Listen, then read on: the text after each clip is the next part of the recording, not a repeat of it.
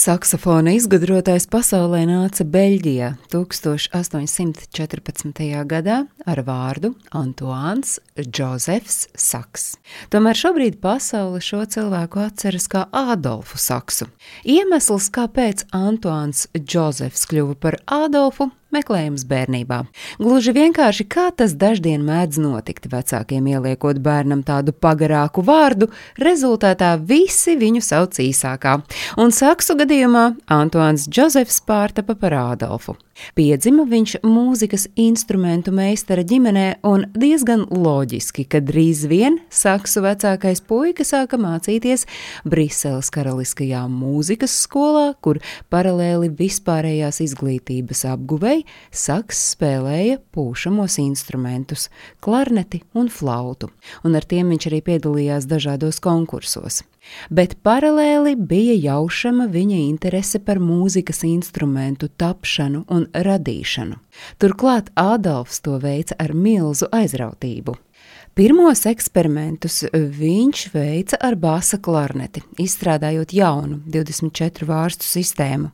Ar šo eksperimentu Ādams Saks Briselē lepojās 1935. gadā izstādē, bet piecus gadus vēlāk viņš jau lepojās ar deviņiem izgudrojumiem, kas bija saistīti ar ērģelēm, klavieru skaņošanas procesa uzlabošanu. Tomēr Ādolfa sapnis bija radīt instrumentu, kuram būtu spēcīgāks un dziedošāks tonis nekā koka pūšam instrumentiem, un tas vairāk saliedētos ar metāla pūšam instrumentiem.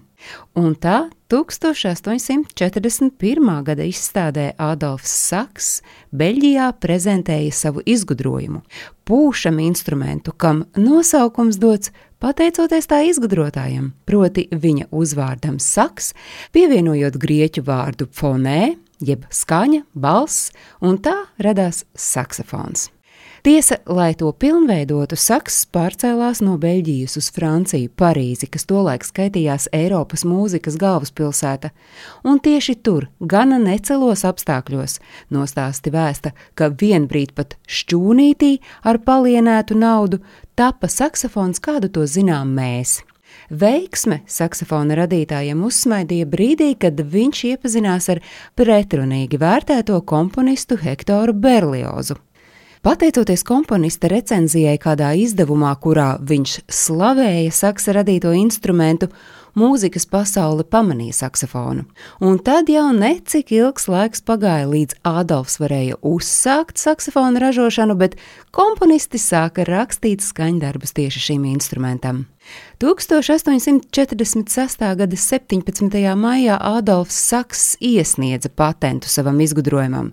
Dažus gadus vēlāk izstādē Parīzē viņš ieguva zelta medaļu, un turpmāko gadu gaitā viņš pārdeva aptuveni 20 tūkstošu instrumentu.